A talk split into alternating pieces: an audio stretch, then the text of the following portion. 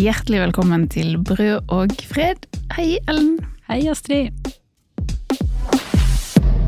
Nok en uke så vil vi jo granske hyperkulturen som vi lever i, og denne uken så vil jeg snakke om noe som jeg føler nesten er en slags motsats, motsats eller som ikke passer inn i kulturen vår, nemlig sorg.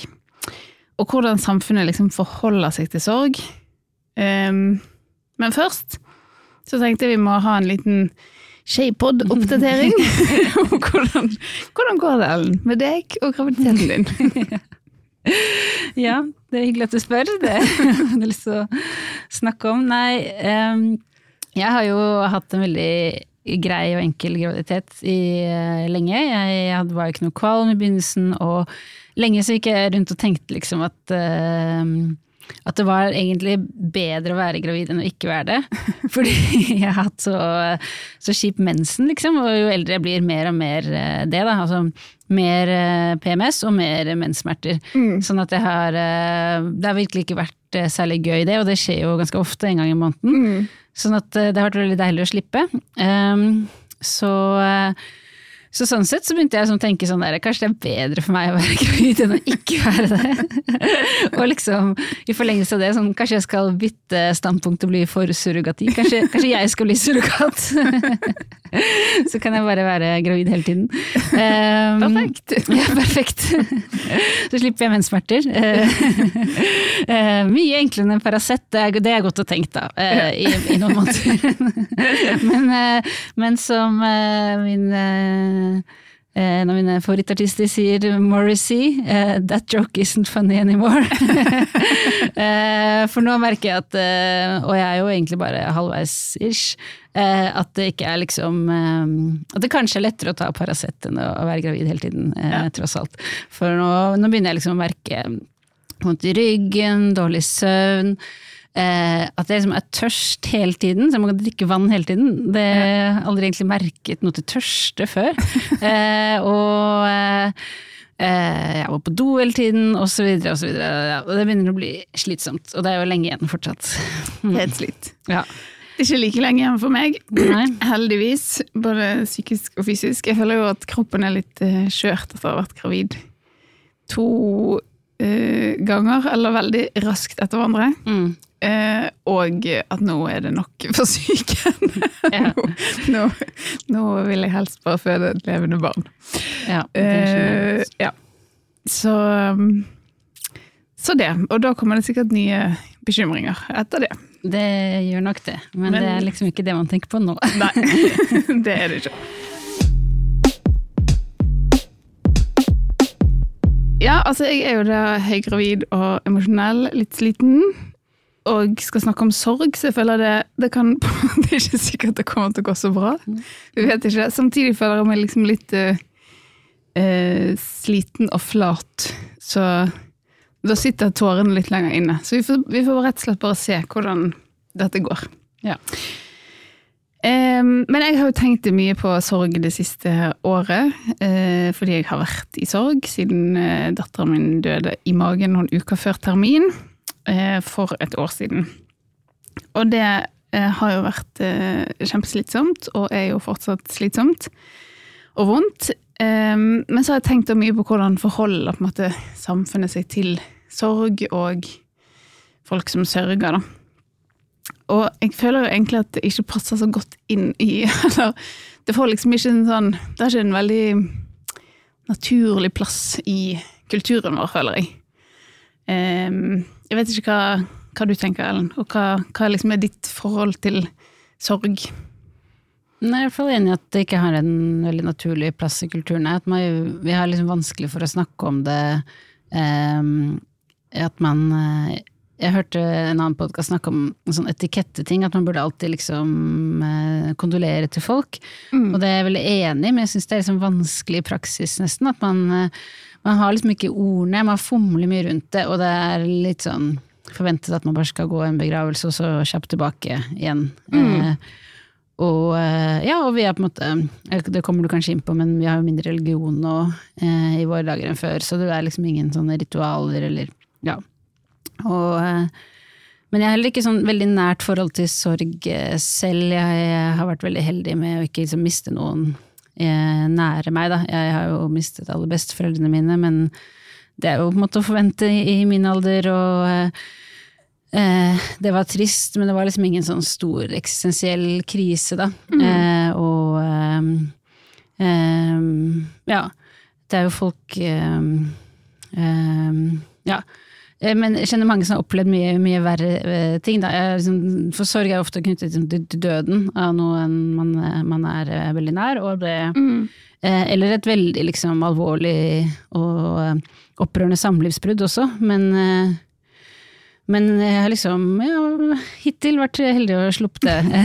altså sånn, jeg har blitt slutt med kjæreste, men det er så sykt lenge siden og føles liksom som useriøst ungdommelige greier. Og, Ja. ja, så, så nei. ehm, Det er bra, men alle opplever jo på en måte noen form for sorg, og så er det jo, som du sier, litt forskjell på at man blir jo eh, lei seg når besteforeldre dør og sånn, men at det er på en måte eh, Det er jo kanskje litt eh, forskjellig hvor rystende dødsfall er, eller forskjellige hendelser, da. Nå har jeg tenkt mest på sånn eh, sorg i forbindelse med dødsfall, men det er jo, som du sier, det er jo mange typer sorger eh, der ute. mange ting man kan ha en eh, stor sorg i livet for. Men eh, ja, jeg har eh, opplevd stor sorg, eller hva man skal si, også før Solveig, som datteren vår da heter, døde. For syv år siden så døde mamma, og da var jeg 27, så jeg var jo voksen. Men det var jo altfor tidlig likevel. ja, ja, absolutt. Og veldig vondt, og selv om hun på en måte hadde vært eh, syk en stund, så var det liksom håp om at det skulle gå bra, og så gjorde ikke det, så det var òg et sånn sjokk, på en måte. Um, men jeg tror kanskje Kanskje det tok jo litt tid da å få samlet seg, men kanskje noen måneder etter at Solveig døde, så tenkte jeg at eh, Eller så liksom kom jeg på at det går jo an å leve videre også med en stor sorg, selv om jeg syns jo også at det var forskjellige sorger. Det går på en måte ikke an å Eller det er ikke noe fornuftig, tror jeg, i å liksom rangere sorger. Men det er jo noe veldig naturstridig med å begrave sitt eget barn. Absolutt. Det skal man helst ikke måtte gjøre. Eh, Nei. Um, og så tenker jeg at sorg eh, eh, Jo, så har jeg jo liksom sett eh, Ble veldig sånn Jeg må eh, lese eller se hva andre har tenkt om dette, så jeg har vært sånn søkt på sorg i, i podkaster og på TV og lest bøker og ja. Så jeg så i hvert fall en svensk dokumentar eh, som ligger på NRK, da.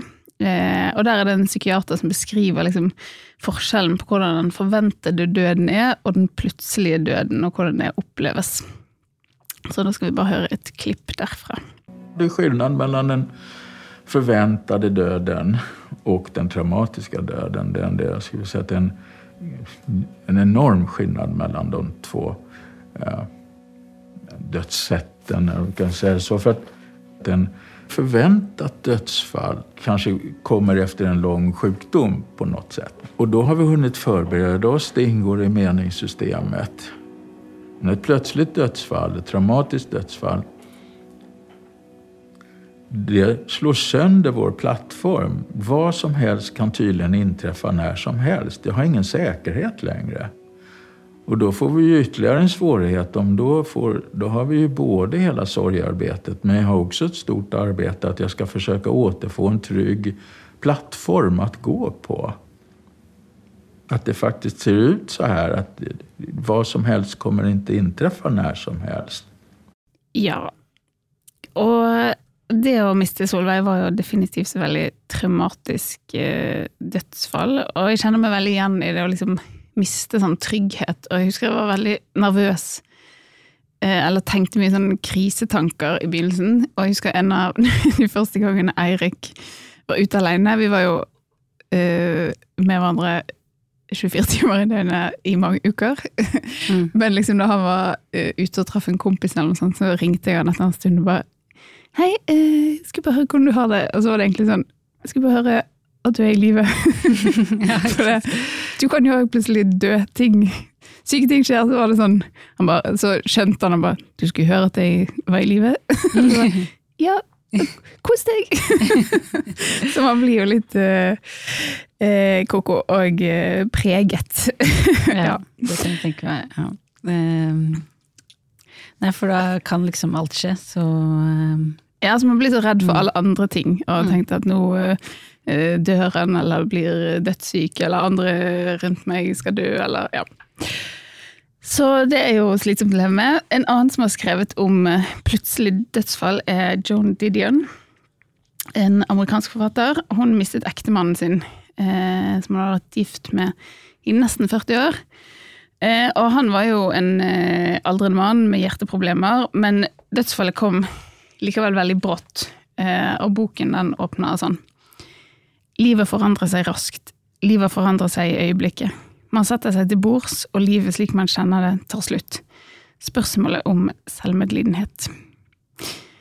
Og dette skrev hun en dag eller to etter at mannen døde, og han eh, som òg var forfatter, eh, som hun òg jobbet sammen med og skrev filmer sammen med, han døde hjemme hos de av et eh, hjerteinfarkt. Han satt og leste, og de snakket om forskjellige ting. Han eh, drakk en drink før middag, og så falt han om og døde.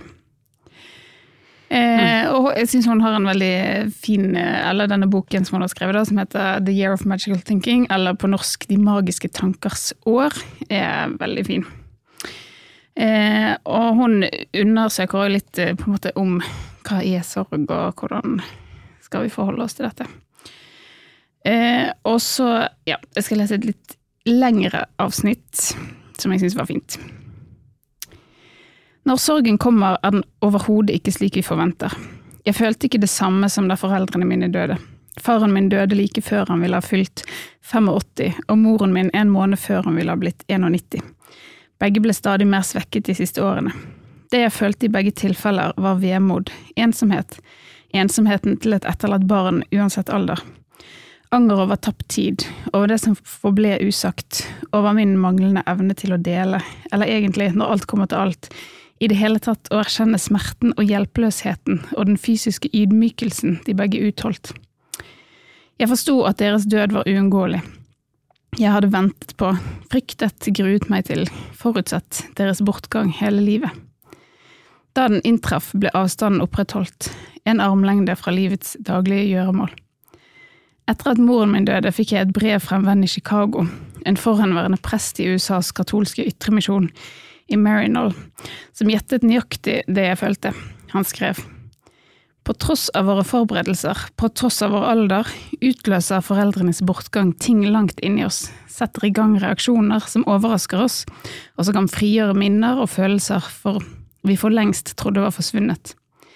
I det varierende tidsrommet som kalles sorgperioden, kan vi befinne oss i en ubåt, stille på havets bunn, oppmerksom på undervannsbombene, nå nær oss og nå langt borte, som angriper oss med minner. Min far var død, min mor var død, jeg måtte se opp for miner en stund, men likevel sto jeg opp om morgenen og sendte av gårde klesvasken. Likevel planla jeg meg ny en til påskelunsjen. Likevel husket jeg å fornye passet. Sorg er annerledes. Sorg har ingen avstand. Sorg kommer i bølger, i paroksysmer, en plutselig angst som får knærne til å svikte og synet til å forsvinne, og visker ut det hverdagslige i livet. Nesten alle som har opplevd sorg, nevner dette fenomenet med bølger. Eric Lindemann, som ledet psykiatrisk avdeling ved Massachusetts General Hospital i 40-årene, og intervjuet mange av de pårørende til de omkomne ved brannen i Coconut Grow i 1942, ga en krystallklar definisjon av fenomenet i en berømt undersøkelse fra 1944. En følelse av somatiske plager kommer i bølger som varer fra 20 minutter til en time, med stramhet i halsen, kvelningsfornemmelser av, av mangel på luft, man føler trang til å gispe, merker et tomt sug i magen og manglende styrke i muskler, og har intense subjektive plager som beskrives som spenninger eller mental smerte.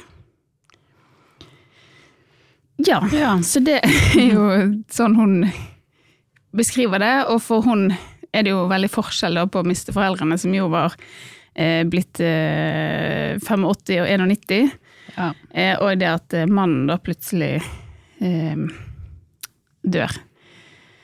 Mm. Eh, og jeg syns det var litt sånn overraskende på en måte hvor fysisk sorgen var, hvor utrolig sliten man ble, og hvor mentalt svekket man ble. At det var sånn ting som tidligere har vært rutine, må man på en måte eh, konsentrere seg for å gjøre, som er en veldig rar, eh, rar ting. Mm, det kan jeg tenke meg, og det er vel den type Ja, at de som snakker om at sorgen er ulik, og at når en som er 91 dør, så er det på en måte Ja, Det klarer vi å forholde oss til. ja det er liksom såpass livets forventet, gang, det er eller- livets ja. gang, og det, det må skje. Og også hvis vedkommende har blitt liksom svekket, som hun skrev om, så er det også en, Man vet at det er en lettelse for personen Mm. også litt å få, få lov til å dø, da. Um, så det blir jo noe helt annet med med yngre både barn, men også som moren din, som sikkert døde altfor ung, ikke sant. Eh, Mm. Hun var ikke 91. Det var hun ikke. um, Didien skriver videre. Uh, sorgens evne til å forstyrre sinnet er faktisk grundig dokumentert. Det å sørge, sa Freud i essayet Sorg, sorg og melankoli, melankoli fra 1917, innebærer en radikal endring av den vanlige innstillingen til livet.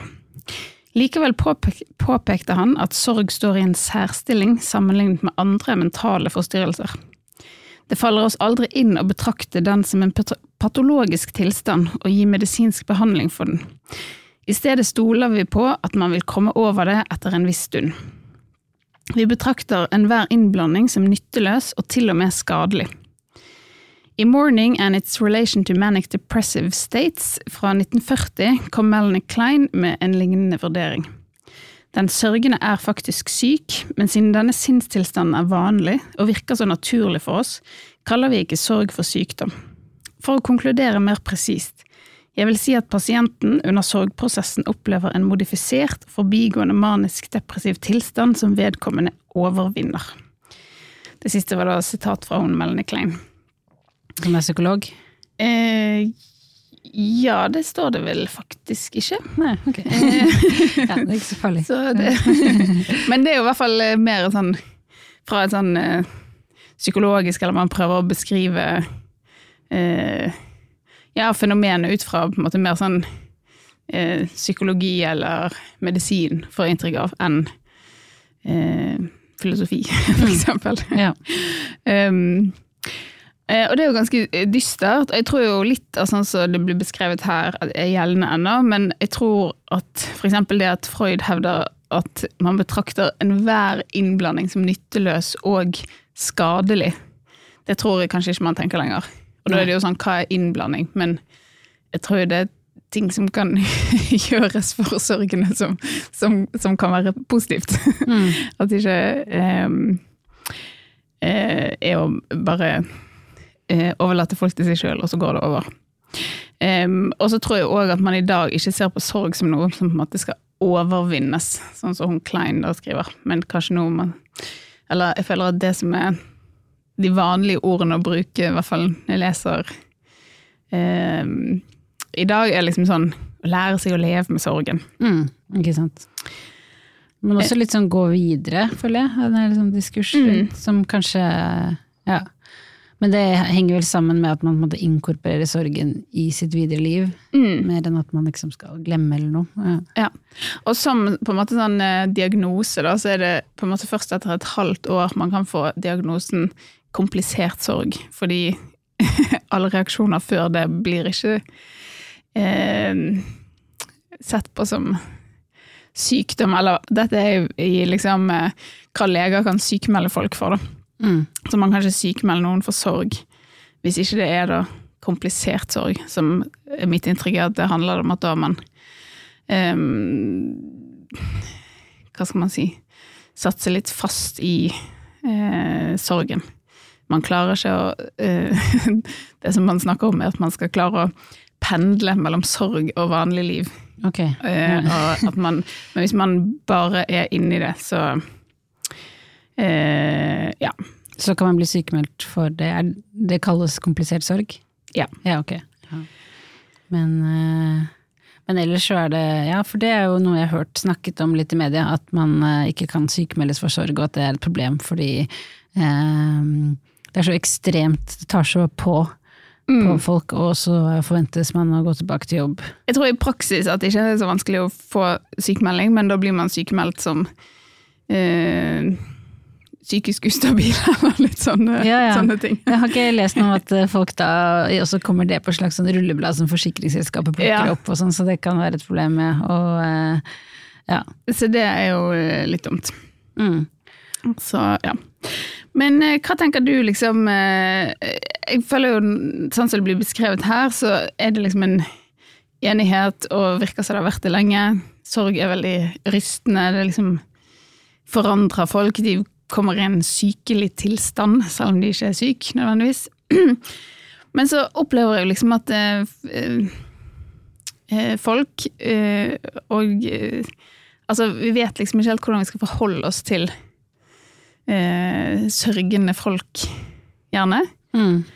Eller hva er ditt eh, eh, inntrykk?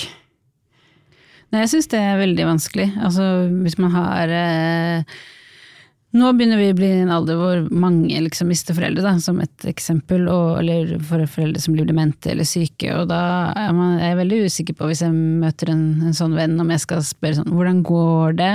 Eh, ta det opp. Eh, eh, er det vanskelig?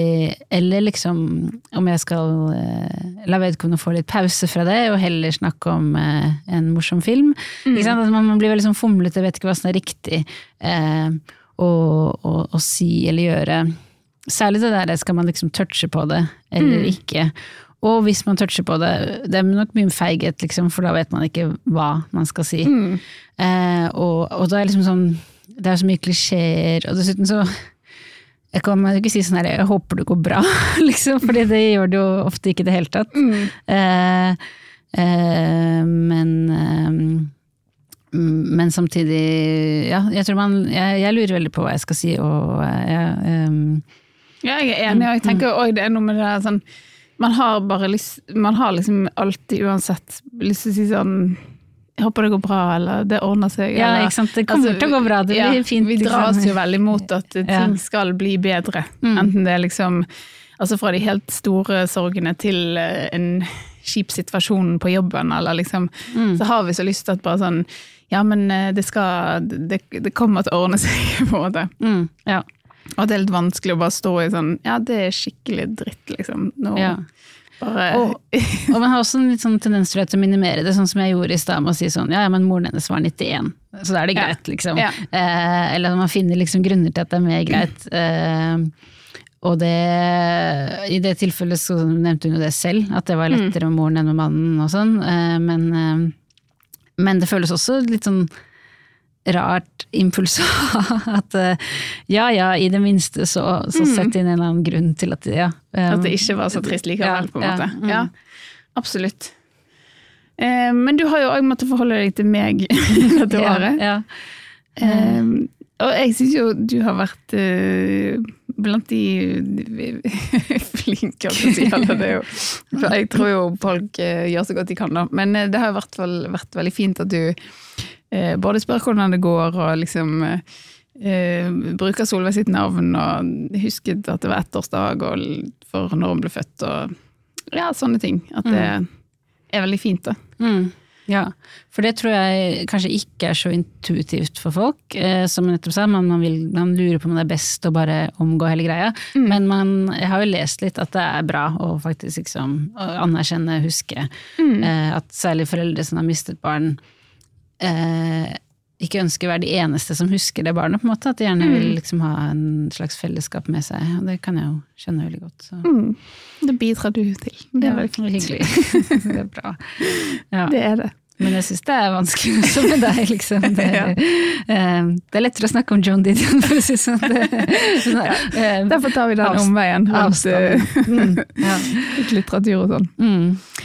Um, eh, jeg husker i hvert fall at eh, når vi var eh, eh, på sykehuset og hadde fått beskjed om at barnet var dødt, og da bare husker jeg at meg og Eirik satt og bare sånn snakket om at liksom sånn Ingen kommer til å skjønne dette. For vi, akkurat som vi ikke skjønte det helt sjøl heller. Mm. Um, og vi var jo i sjokk og liksom bare prøvde å være litt sånn uh, Prøvde å minne hverandre på sånn Vi må huske at dette er en helt sinnssyk situasjon som det er helt umulig å forstå, for vi skjønner heller ingenting, på en måte. Mm. Eh, og det prøver jeg å tenke litt tilbake på av og til, for det, selv om vi på en måte snakket om det og tenkte det, så kan man jo bli litt sånn eh, eh, Ja, føle at eh, ting blir litt eh, fort glemt, eller eh, sånn likevel, da. Og det er jo på en måte kanskje også spesielt siden eh, Altså det å miste et barn, og særlig et barn som egentlig du sjøl nesten eller ikke har rukket å bli kjent med, og ingen andre har rukket å bli kjent med. Eh, det er jo veldig vanskelig å forstå og forholde seg til, både for oss for så vidt, men også for alle rundt. Og det skjønner jeg jo, på en måte. At det er sånn Det er litt vanskelig å skjønne hva det er man har mistet, på en måte. Mm. Em, Ja. og, men det som jeg har tenkt også, da, er jo at det som har vært eh, eh, redningen, er jo at um, meg og Eirik er to, eh, og at vi har liksom kun hatt hverandre, da, og har jo på en måte eh, selvfølgelig litt forskjellige sånn, reaksjoner på ting, men vi er jo to som har mistet den samme, på en måte. Mm. Men at det må òg være noe sånn eget ensomt med å miste en ektefelle, for det er jo selvfølgelig veldig mange som mister ektefeller, men man er jo alene om å miste akkurat den ektefellen. Mm. Hvis ikke man er i et uh, polyamorøst ekteskap. Ja. Det er jo ikke så utbredt. ikke sant. Nei, man går liksom fra å, å bo med noen til å plutselig bo alene, og til å Mm. være mye mer ensom. Ja. Mm. Og så er det jo selvfølgelig at mange vil jo på en måte huske den personen kanskje som eh, ja, eller, som mor eller venn eller uh, søster, eller det er jo mange andre som har hatt en relasjon til eh, eksempel mannen til John Didion, eller min mor, for så vidt. Eh, men så er det jo, ja, de står eh, alene da, på en annen måte. Mm. Ehm, ja, men så jeg har jo tenkt mye på dette. Hvordan møter vi mennesker i sorg? Eh, og eh, jeg føler liksom sorg sånn langsomt, tungt, slitsomt, irriterende å prakke på folk. Det er liksom Det er jo veldig slitsomt for alle involverte, på en måte. Mm, ja, for det Ja, og jeg tenker at vi har hatt eh, mange fine rundt oss eh, eh, Mange fine folk rundt oss som har eh, gjort mye fint, men likevel så føler jeg at det er sånn eh, det, Jeg får inntrykk av at mange vet ikke hva de skal si, man blir litt sånn redd. Eh, og jeg tenker at det er liksom ikke så rart, for det er ikke en sånn eh, oppskrift i samfunnet på hvordan man skal gjøre ting. Og, det, så, og jeg eh, jeg håper det ikke meningen sånn klandre noen, eller vi, vi har hatt kjempemye fine folk rundt oss også. Men, og jeg kjenner det jo igjen sjøl, man er jo redd, man vet ikke hva man skal si til noen som har mistet eh, eh, noen veldig nær. Og det er jo på en måte Nå blir det litt sånn opp til hver og en, da. Eh, og prøve å finne ut av det. Og noen, som kanskje du virker som du har gjort, leser litt om dette. og sånn, Men det er jo ikke sånn alle blir oppdratt til å vite hva som er skikk og bruk når det gjelder sorg, på en måte. En ting er kanskje sånn begravelsesritualer, sende blomster, sende kondolanse. Det får man kanskje med seg, men litt sånn eh, andre ting tror jeg man er litt sånn eh, lost på det, eller? Mm, ja, jeg tror det. Ja. Jeg vet ikke hva du tenker, liksom, hva, hva er egentlig liksom sånn normene rundt dødsfall i Norge? Nei, det Hva er det, ja? Det, det er jo eh, Og eh, ja, hvis det er noen i familien eller man er nær, så går man jo i begravelsen og gir kanskje blomster og sier kondolerer til de som har liksom aller nærmest uh, har mistet noen og sånn.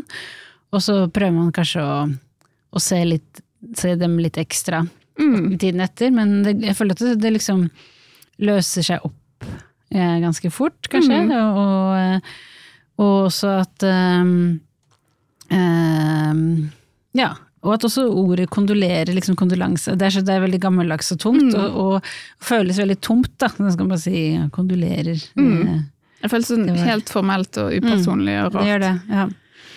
Men Og jeg tenker òg at det liksom eh, eh, At vi holder på en måte litt sånn eh, Døden liksom på avstand, eller jeg bare føler eksempel når venner kan si sånn eh, Nei, den dagen kan jeg ikke treffes, for da skal jeg i begravelse til min tante, eller et eller annet. Altså er det sånn Man nevner det av en sånn praktisk årsak, ikke sånn eh, Ja, det er litt tungt for tiden, for tanten min døde, eller altså mm, det er veldig rart, da, syns jeg. Ja, At det, ja, ja.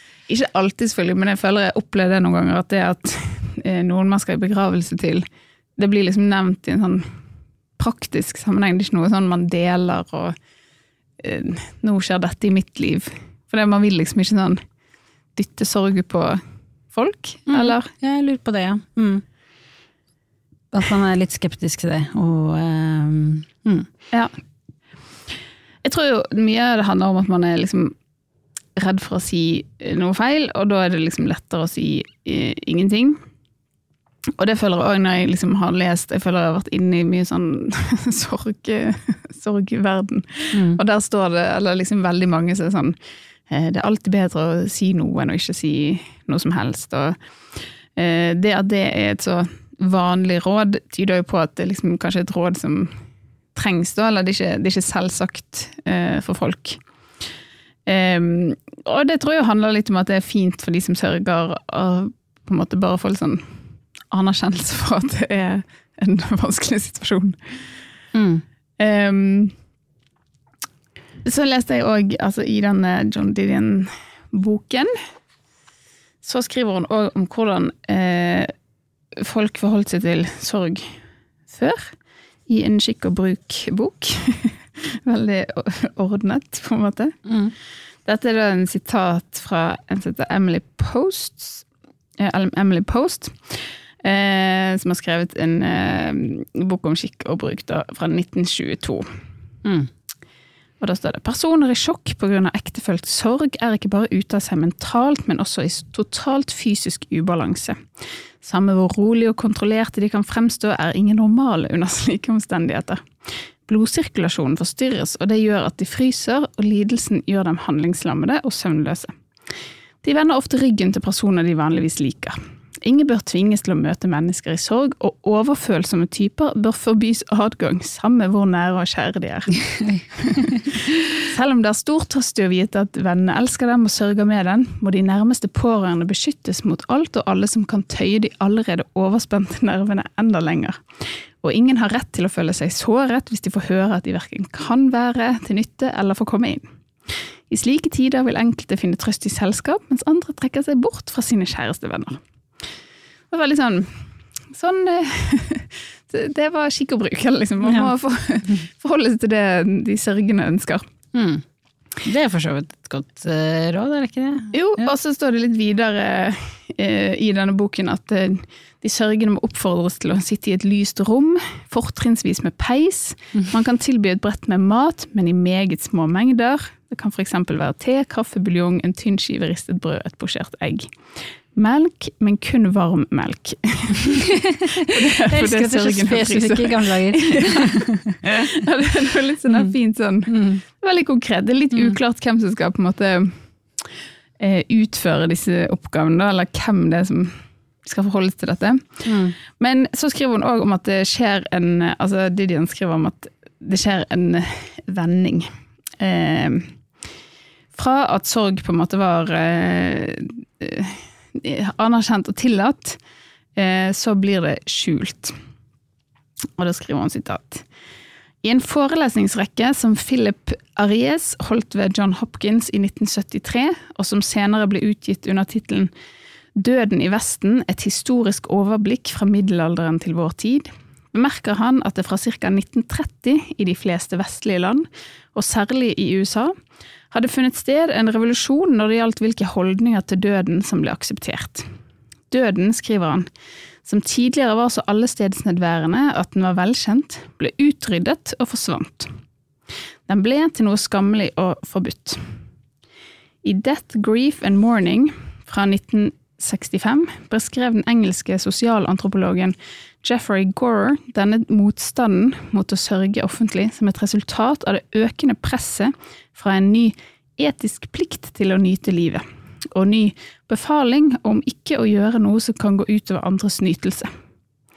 Både i England og i USA observerte han, lå det i tiden å betrakte sorg som morbid svakhet overfor seg selv, og vise sosial beundring for sørgende som skjuler sorgen så godt at ingen kan gjette at noe har hendt. Så her skjer det jo, mener de, da, en veldig sånn vending fra et sånn død og sorg, det er en del av livet, Mm. til at sånn undertrykk sorgen, lat som du har det fint, hold sorgen skjult.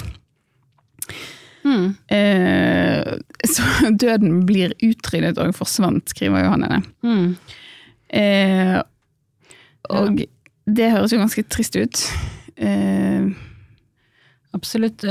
Jeg tenker at det høres litt dårlig ut, men også litt sant at vi, at vi lever liksom i en tid hvor det er, det er viktig å nyte. Vi har også mye konsumsjon, ikke sant. At man skal eh, ja, Øh, ønske seg nye ting, eh, delta i øh, eh, jobbe, liksom Ja, at, man, at sorg ikke passer inn, og at man blir kanskje litt irritert, særlig for folk som sørger lenge. Tror jeg kan sånn føle seg isolert, etter hvert. Altså sånn, akkurat som deprimerte kan, på en måte. At man eh, ja, det, det er liksom litt i veien, det passer ikke inn om andre Man vet ikke hva man skal gjøre i det. mm. Uh, så um, Men så tror jeg på en måte med sorg at det er sånn eh, Altså, det som blir skrevet sånn her Det var liksom eh, feil å la eh, sorg gå utover andres nytelse. At det er jo veldig eh, satt på spissen, men jeg tror jo det er noe i det, liksom at eh, eh, Man føler at man ikke skal belaste andre med sine ting, kanskje. mm, Og så òg at eh, fordi eh, Jeg vi er ikke så god på å liksom håndtere eh, eh, Bare at sånn Nå er dette kjipt, og så kan vi snakke litt om det, og så kan vi snakke om noe annet. At jeg mm, opplever litt at det er sånn eh, Man er så ukomfortabel med sorg og død at man tenker hvis vi først nærmer oss det landskapet, da går vi virkelig ned i mørket og blir der, og resten av kvelden er Mm. ødelagt. ja. uh, ja. Jeg tenker på den boka jeg snakket om eh, i episoden 'Hvorfor eh, får vi barn', så den Maria Senstrøm, eh, som handlet om en barnløs kvinne. Hun har jo da ønsket seg barn veldig veldig lenge, var nå 44-45 i boka, og i tillegg så har hun opplevd et overgrep da hun var 20 år, som hun fortsatt dealer med. Så hun har på en måte nesten alltid i sorg, da hun, hun snakker liksom til venner om det overgrepet, eller om liksom, hun har det veldig tungt, eh, har eh, alltid slitt da, med, med denne, denne episoden. Eh, og da blir hun jo på en måte en som skremmer vekk folk litt, fordi det er liksom sånn mørk sky rundt henne som liksom ikke går vekk. da. Eh, og det er jo veldig urettferdig og trist, men eh, det handler nok mye om at folk rundt henne da ikke helt vet hva de skal si eller gjøre, eller eh, Mm. Og ja, at også samfunnet vårt Det passer liksom ikke inn, eh, den her type Nei, nedstemthet. Mm. Nei, og så tror jeg jo hvis man er sånn Altså i uh, sorg eller depresjon eller uh, Hva skal jeg si I veldig dårlig humør alltid. Eller liksom det er alltid sånn voldsomt tyngende eh, over kjempemange år, så, så er det jo kjempeslitsomt for omverdenen å forholde seg til. Det er jo det. Um, ja. Så det, så det er jo ikke Så det er jo òg slitsomt. Um, Mm. men jeg tror jo at eh, en del som uh, er i sorg, likevel tenker at det kanskje går litt fort. Uh, eller at uh, man sjøl er ganske inne i sorgen um, fortsatt, og så går omgivelsene rundt.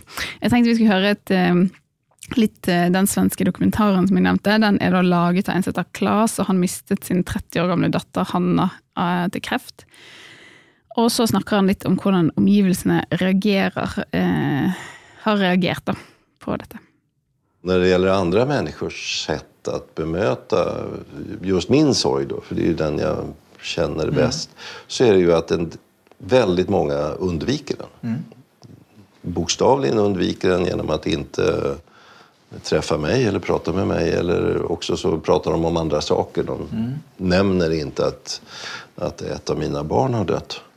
Medan andra människor är fantastiskt förstående och, och deltagande. Och, eh, I vardagen så frågar de mig. Ja, hur är det? Och inte rädda för att prata om det. det. Det är den lilla gruppen. Men den stora gruppen mm, låtsas inte om som det har hänt. Som om ingenting har hänt. Nej, precis. Mm. Och det största i ditt liv har hänt. Det, Och det, det där är... gör Det var ledsen. oväntat för mig. Det var Ja. oväntat. Og så er det òg eh, psykologen han sier eh, dette da, om at folk er redde for å snakke om sorgen. Jag tror at vi blir, så, vi blir urolige når vi skal møte noen mennesker i sorg. Jeg tror at det handler om at vi, at vi tenker at, at jeg kanskje vekker noe. Den andre mennesken begynner å gråte, og det vet jeg ikke hva jeg skal gjøre. Det er bare tramsigt om jeg får si så for at sorgen finnes der hele tiden. Det finns eh, liksom ingen bjørn å vekke. Sorgen er der hele tiden. Men den, den mår så bra av å få treffe noen annen og prate om det som har hänt. Det er fint å si at sorgen mår så bra av å treffe noen. Ja, jeg vet. Det var fint sagt også. Det er ingen bjørn at vekka. Det var bra sagt. Jeg kjente litt på det etter, jeg husker det var kanskje noen måneder etter Solveig døde, så på å si, hadde jeg mannet meg opp og skulle gå i en middag. eh, Selv om jeg kanskje hadde mest lyst til å bare være hjemme. Men uansett. Og da um, var det på en måte ingen eh, som spurte noe om hvordan det gikk, eller Dette var jo folk jeg hadde kanskje sendt noen meldinger med, de var i begravelsen. Men som jeg tror var veldig en sånn tanke om sånn eh, Nå skal du få slappe av i kveld, nå skal vi snakke om noe hyggelig. Yeah. Mens jeg satt jo og følte det sånn eh, Hallo, det er verdens største elefant i rommet. Ja. Liksom, Mm. Dette er helt uh, sinnssykt. ja, ikke sant. Eh, og så var det liksom først eh, eh, Når jeg skulle gå, da var det liksom noen som spurte litt sånn eh, Ja, hvordan eh, går det? Og så snakket vi bare litt om ting i sånn fem minutter. Men, og det var liksom det jeg trengte. Jeg trengte bare snakke litt i fem minutter. Til sånn Mm. Nå må vi Kan, kan vi bare ta inn over oss at dette har skjedd? Ja, anerkjenne det litt. Ja. Mm. Og så kan vi godt snakke om de vanlige tingene, på en Mm. måte. Mm. Men at eh, Jeg tenker i hvert fall, har tenkt det ofte, da, at eh, det å bare liksom få snakke litt om det først, og ikke nødvendigvis nå lenger, eller sånn, men i hvert fall i begynnelsen, når jeg møtte folk for kanskje første gang, eller sånn, at det føles så koko å ikke si noe. Og så, eh, men så er det heller ikke sånn at jeg tenker sånn, nå skal vi snakke om eh, sorgen og dødsfallet i timevis. Det er helt eh, fint å snakke om det i fem minutter, og så kan vi snakke om noe annet. Mm. Men da er det liksom Da har det vært der, på en måte. Ja, Og det det er eh, anerkjent. Men det vet kanskje ikke folk da, som ikke har vært Nei, i sorg, så de nei. tenker at uh, hvis jeg tar det opp, så kanskje det Da brister demningen. Ja, brister og- demningen, og så blir det Eller så, blir det, eller så gjør jeg noe feil. ved- Ja, ja. Nå minner jeg henne på at datteren døde. Det blir dumt. Ja, men som han sa, det er ingen bjørn vekk. Nei, det er det ikke. uh, ja. Men så er det jo vanskelig òg, da, Og, liksom uh, Og jeg vet jo ikke hva jeg ville gjort sjøl i en sånn uh, situasjon. Jeg tror ikke nødvendigvis jeg tenkte så mye lurt om dette før. Kanskje gjør jeg det ikke nå heller. For det er jo litt sånn begrenset hva man kan gjøre uansett. Eh, for noen som sørger, da. Um, men jeg tror du snakket jo litt om det sånn eh, Altså, vi, vi vil ha sånn samfunn som er opptatt av eh, nytelse, positive ting. Eh, man skal få til ting. Man skal være glad. Man skal liksom jobbe for at livet blir mest mulig lykkelig. Og så kommer på en måte død eller sykdom eller andre kriser inn i livet som man ikke har bedt om, da. Og så blir vi litt sånn maktesløse fordi vi er vant til at vi kan planlegge så utrolig mye, da. Mm. Og så plutselig er vi sånn Shit, her er det faktisk et problem som ikke kan løses. Eh, hva, hva gjør vi nå? Ja, ikke sant. Det, det er vanskelig å vite med det. Og det forstyrrer liksom planer og eh, passer kanskje ikke inn i et um, opptatt liv, eller uh, ja, det, Mm. det Og særlig sånne brå dødsfall eller sånn ikke forventet, så eh, blir liksom alt bare skaket om. Og veldig vanskelig å forholde seg til. Ja. Ja. Men jeg tror jo folk også skulle ønske at de eh, For én ting er at man kanskje vil holde liksom, triste ting litt på avstand, men jeg tror jo eh, noe av det handler om at liksom det der, Man vet ikke hva man skal si, man er redd for å feile. Eh, vi er liksom maktesløse. Vi, og at vi ikke er så godt eh, vant til å liksom bare stå i det der som er trist, og bare sånn Ok, nå bare er vi her litt. eh, uten å Jeg kjenner i hvert fall i, min natur da, så føler jeg at i møte med problemer, også andres problemer, kan bli en sånn irriterende sånn Ja, men har du prøvd dette? Hva med Mm. Ikke Det Mm. går bra. Altså, man Mm. vil være en sånn optimist, da. Mm. Og så er det noen ting der det bare ikke Det er ingenting positivt å finne, liksom. Mm. Og det liker vi jo liksom ikke å Nei. være i, da. Nei. Mange prøver ofte å, å, å løse Mm. problemer også, ikke sant. Og eh, ja.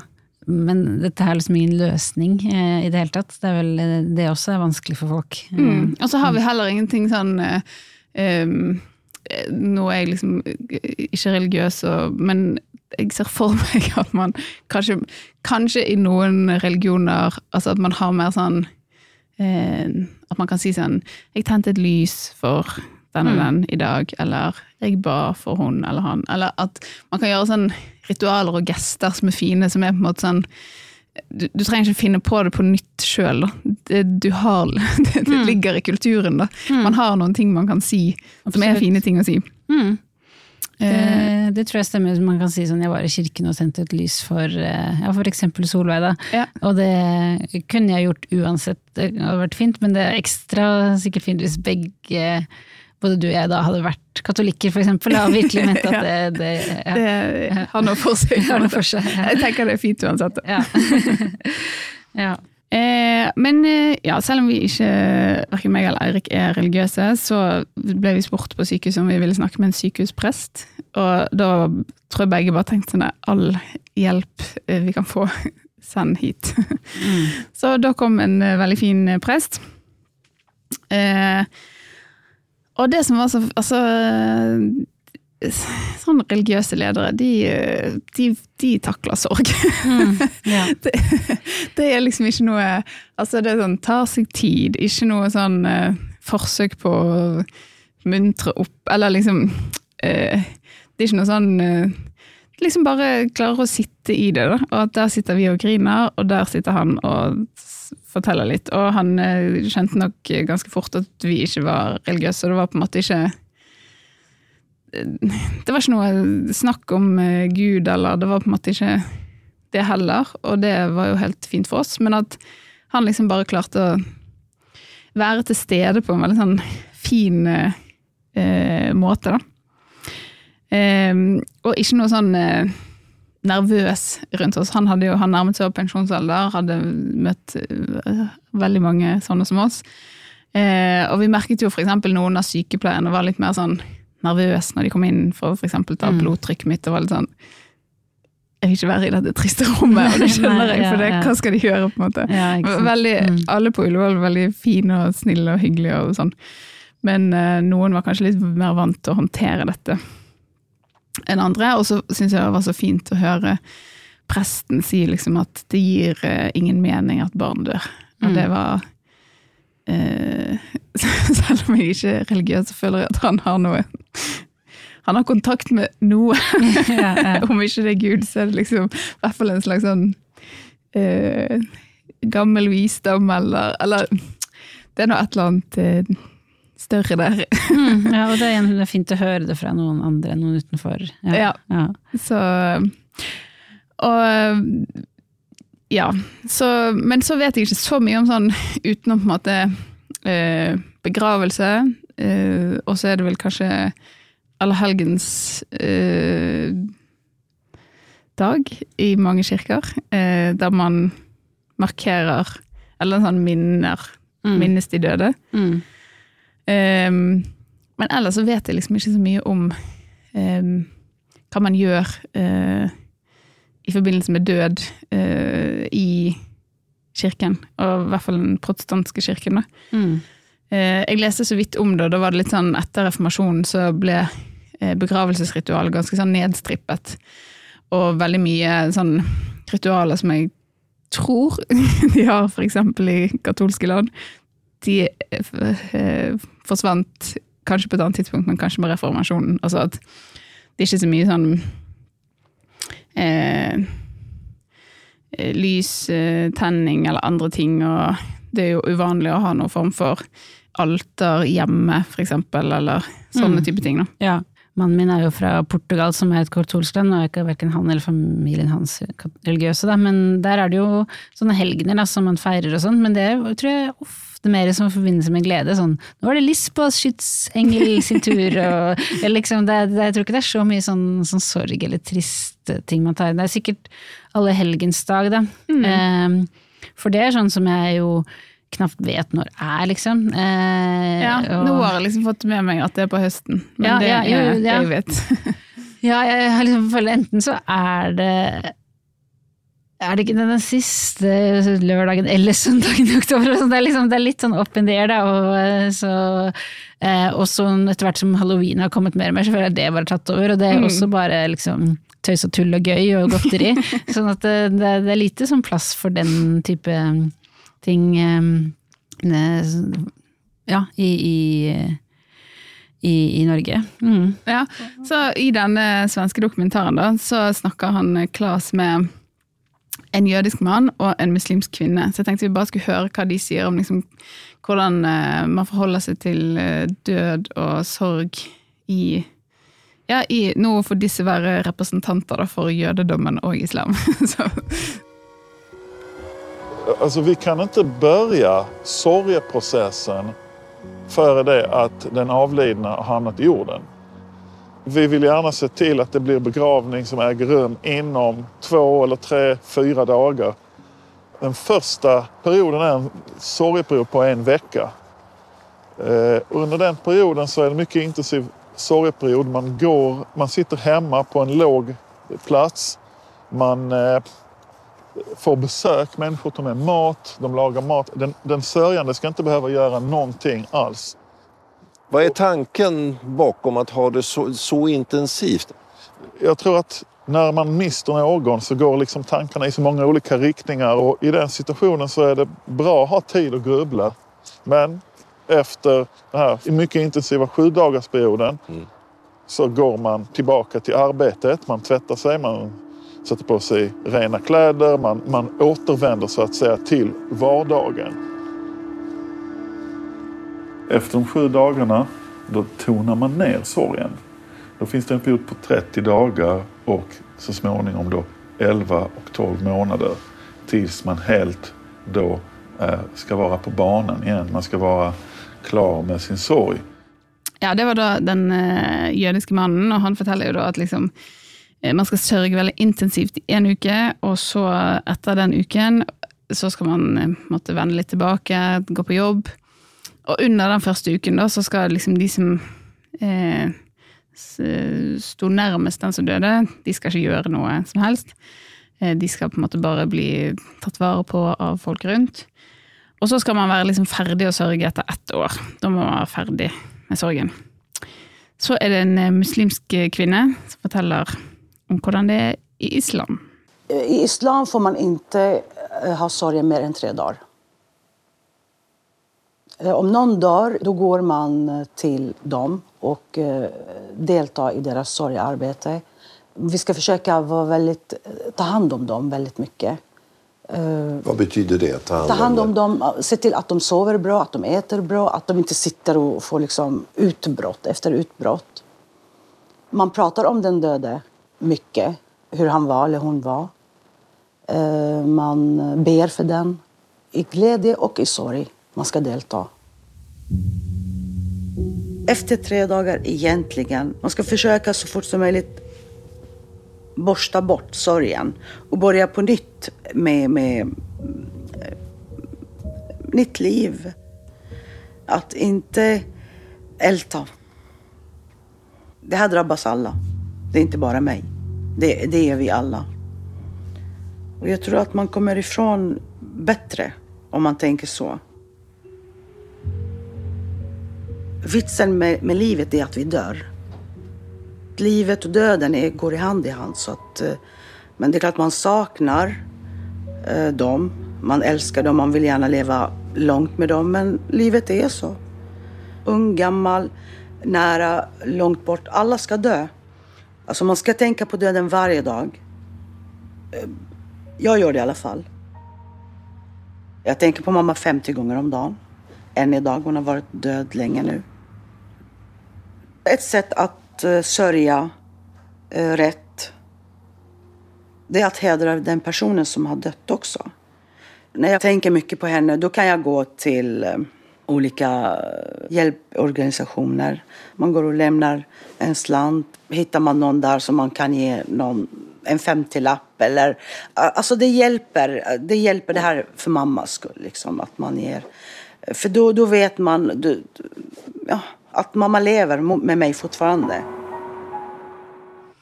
Hva, hva tenker du? Jeg tenker jo, det, det hørtes fint ut det med at man liksom møtes og snakker mye om den avdøde, og, mm. at, og ta, at det tar plass og sånn, men jeg syns jo tre dager hørtes helt ekstremt ut. At det liksom skal helst være over da. Litt, litt umenneskelig eh, å ha en sånn tidsfrist. Eh, høres det ut for meg som utenforstående? Eh, ja, jeg tenker jo både mm. liksom at de har en veldig sånn eh, det er kanskje noe litt fint da i sånn eh, tre dager, én uke, da er det intensiv sørging. Så må man skjerpe seg, kan jeg si. Og, så det høres litt uh, krevende ut. Men kanskje er det fint at man har en slags sånn ramme. Og så tror jeg jo at uh, det er jo ikke sånn at da er de ferdige å sørge. Det tenker jeg jo på en måte ikke, selv om det er vel egentlig akkurat det hun sier. Men at uh, hun sier jo også at liksom hun fortsetter jo å tenke på moren. Og liker litt det at man skal gjøre det om til sånn gode gjerninger. At det var litt sånn mm, det synes jeg også var fint. fin ting. Ja. Og eh, nei, det der er sånn ramme, det, det, høres på en måte som sagt umenneskelig ut, og nesten nyliberalt, liksom. Sånn, nå har du brukt opp eh, tidskvoten, nå er det på tide å jobbe igjen. Men samtidig også så tror jeg det, mennesker setter veldig pris på rammer, og at uh, rammer av mange ulike slag liksom uh, hjelper, da. Mm. at man har en sånn noe å forholde seg til. Mm. Eh, og ja, ritualer eh, At når noe så liksom overveldende skjer, så, så, er det et eller annet fast man likevel kan gå inn i, da. Mm. Eh, mm. Og så kan det jo hende det er noe fint på en måte med å ha en slags sånn eh, eh slutt eh, Sluttdato, holdt på å si, eller altså Sånn som han jøden sa, at ja, etter ett år, da skal man på en måte være ferdig. Mm. Og jeg tror at uh, for uh, en del dødsfall så er det for kort. Uh, mm. Eller liksom men, men, det er jo likevel noe med å på en måte ha en sånn Noe å holde litt fast i, da. Det er sånn Ok, etter ett år så skal ting i hvert fall være bedre, eller Og man kan tenke dette kommer til å ta et helt år. Altså at det å gi et sånn uh, tidsperspektiv kanskje kan være litt sånn til hjelp òg, da. Og at uh, hvis folk uh, rundt, altså andre jøder, kjenner liksom til det samme, så er det jo sikkert noe fint i det òg. At man, man, har en sånn ramme rundt ting, og da Da tillater man at man skal eh, være i den ikke-intensive mm. sorgfasen i et helt år. ja. Jeg synes det, det høres veldig fint ut at man har liksom en ramme i et helt uh, samfunn, på en måte. Eh, mm. Eh, fordi vårt samfunn føler jeg veldig sånn uh, ja, ikke har det fordi det ikke har religion. Eh, og det fins jo selvfølgelig i Norge, men, men, mye mindre. Så mangler man også eh, litt mm. Eh, rammer. Eh, vet ikke helt hva som skjer, hvor lenge ting skal være trist, hva, hva man skal si til folk. Alt blir liksom veldig åpent. Eh, også dette med begravelser i seg selv. Altså, jeg har vært i en del begravelser til gamle tanter, besteforeldre osv. Og, så videre, og de har alltid vært i kirken, og min familie er litt eh, kristen. Men, eh, men jeg liksom Jeg vet jo ikke engang hvordan man gjør med ikke-religiøse begravelser. Da.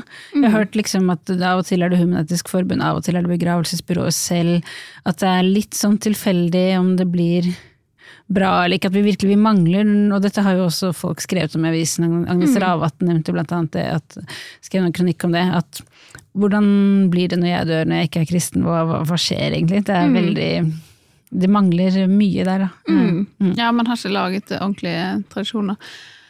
Ehm, når min eh, mor ble bisatt, så var det Jeg tror det var humanetisk, faktisk. Eller altså, det var ikke kristent, og det var jo i et sånn eh, ehm, kapell, heter det vel, selv om det ikke er Mm. religiøst. Ja.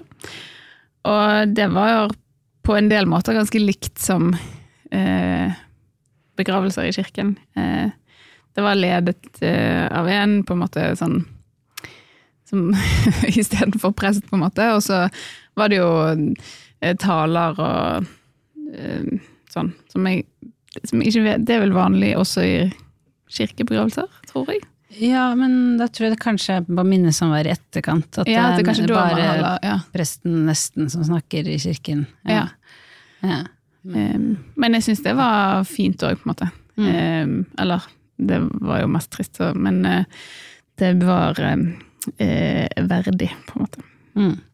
Men eh, jeg snakket litt med um, samboeren min eh, om eh, sorg og ritualer og sånn. Han har bodd lenge i Latin-Amerika, og har fortalt liksom at der er eh, de døde mye mer en del av eh, hverdagen, da. Altså det er helt vanlig at man har noe som minner om et lite alter på en måte hjemme, med bilder av noen nære som eh, er død, og gjerne har lys eller Og det er jo ikke så uvanlig at man kanskje har bilder av døde folk hjemme hos seg sjøl i Norge også, men da henger det på veggen eller står på bokhyllen. Man har ikke laget det som et sånn eget sånn her er alteret til de døde, på en måte. Nei. Mens det er ganske vanlig der. Mm. Um, og da er det liksom litt mer en del av hverdagen, og at man òg gjerne har en minnestund for noen som er død. Altså lenge etter begravelsen, men sånn et år eller to eller fem år etter. sånn, Mm. Nå minnes vi den personen igjen. Ja. Og det er fint. ja, det høres Og fint ut. på en måte at sorg er en mye mer sånn akseptert ting man kan liksom si hvis man er eh, i en middag eller på en fest sånn ehm, eh, Nei, jeg drikker ikke, jeg er i sorg. eller sånn, nei, jeg danser ikke, jeg er i sorg. Og så er det sånn, ok, ja, greit. Mm. Og så er det liksom ikke uh, noe, noe rart ved det. Sånn er det. Mm. Og Det syns jeg høres veldig fint ut. At man, man kan snakke mer åpent og, og ledig eller sånn, om det. Ja. Mm. Jeg syns jo det har vært eh, noe av det liksom fineste. Vi har jo gått i en sånn sorggruppe eh, i eh, mange måneder, eh, og nå er vi på en måte ferdig, ferdig der, da. Men eh, vi holder jo kontakt med dem. Men det føltes òg litt sånn Oi, nå har vi eh, fullført eksamen, eller Jeg husker når vi fikk denne eh, liksom, listen over datoer fra vi begynte i mai, og så var det sånn Å ja, vi skal ha siste møte i februar. Shit, dette tar tid. Og det gjør det jo. Um, men at det som har vært så fint uh, uh, å snakke med andre som også har mistet barn, for det er gjennom eh, Landsforeningen Uventede barnedød, da, er at eh, det er så eh, Altså, vi er jo alle vant til å på en måte snakke om barna vi har mistet, og triste ting, og så snakke om noe helt annet. Og at det er liksom ikke noe sånn Det gjør jo meg og Eirik hver dag, altså Mm. daglig, på en måte. Det er ikke en sånn vi er dypt nede i dypet, og så er vi rett opp. Altså, eh, det er liksom en mye mer sånn vanlig veksling, på en måte, Mm. som gjør at det Og det er de andre òg så vant til, at det Eh, ja, det føles på en måte litt mer sånn så, så for meg kanskje i Latin-Amerika. Altså, når det blir litt mer dagligdags. Man kan snakke litt om det, og så kan man snakke om noe annet. Mm. Man kan snakke litt om de døde, og så noe annet. Så blir det ikke så tungt heller, på en måte. Samtidig som man på en måte får minnes de døde, da. Ehm, Ja. ja. Jeg tenker at det høres jo ut som det er liksom det vi mangler litt, egentlig, i vår kultur. At det hadde vært fint hvis, hvis vi alle kunne bli mer sånn. Er, mm. Vi tror liksom vi er så åpne, eh, og at liksom kan snakke om alt og, eh, og sånn, men det er mye som er tabu, føler jeg, og det er kanskje særlig sånn eh, Sånn tristhet og, og, eh, og vanskelige ting, da. Mm. Så det mm, Vi snakket jo også om det med liksom ufrivillig barnløshet. Det er veldig mange som snakker om at de har vært det Mm. eh, etter at det er over, men mm. det er veldig lite snakk om det mens det pågår. fordi det liksom, det, men det er så mye man skjuler, da. Mm. Og det er mye, jeg tror det har vært bedre hvis vi kunne eh, Hele samfunnet var litt mer sånn en sorggruppe. jeg, tror- jeg tror faktisk det. Ja. Ja. At man kan snakke om det som er tungt og vanskelig, og så kanskje man kan man felle noen tårer over det, og så kan man på en måte snakke om noe helt annet etterpå, og det går helt fint.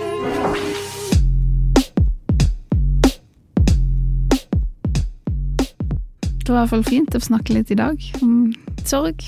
Ja. Snakke litt om Solveig. Ja, det syns jeg også var fint. Mm. Um, ja, Ja. da tror jeg vi bare ikke runder av engang, vi bare kutter rett av der. Ja. Så snakkes vi neste uke. Det gjør vi. Takk for nå. Takk for nå. Du har hørt en podkast fra Manifest Media. Sjekk ut flere program der du henter podkast, eller via manifestmedia.no. Vips gjerne valgfritt beløp. 79 26 46 er nummeret 79 26 46. Produsent Mikkel Kvenås. Ansvarlig redaktør er Magnus Marsdal.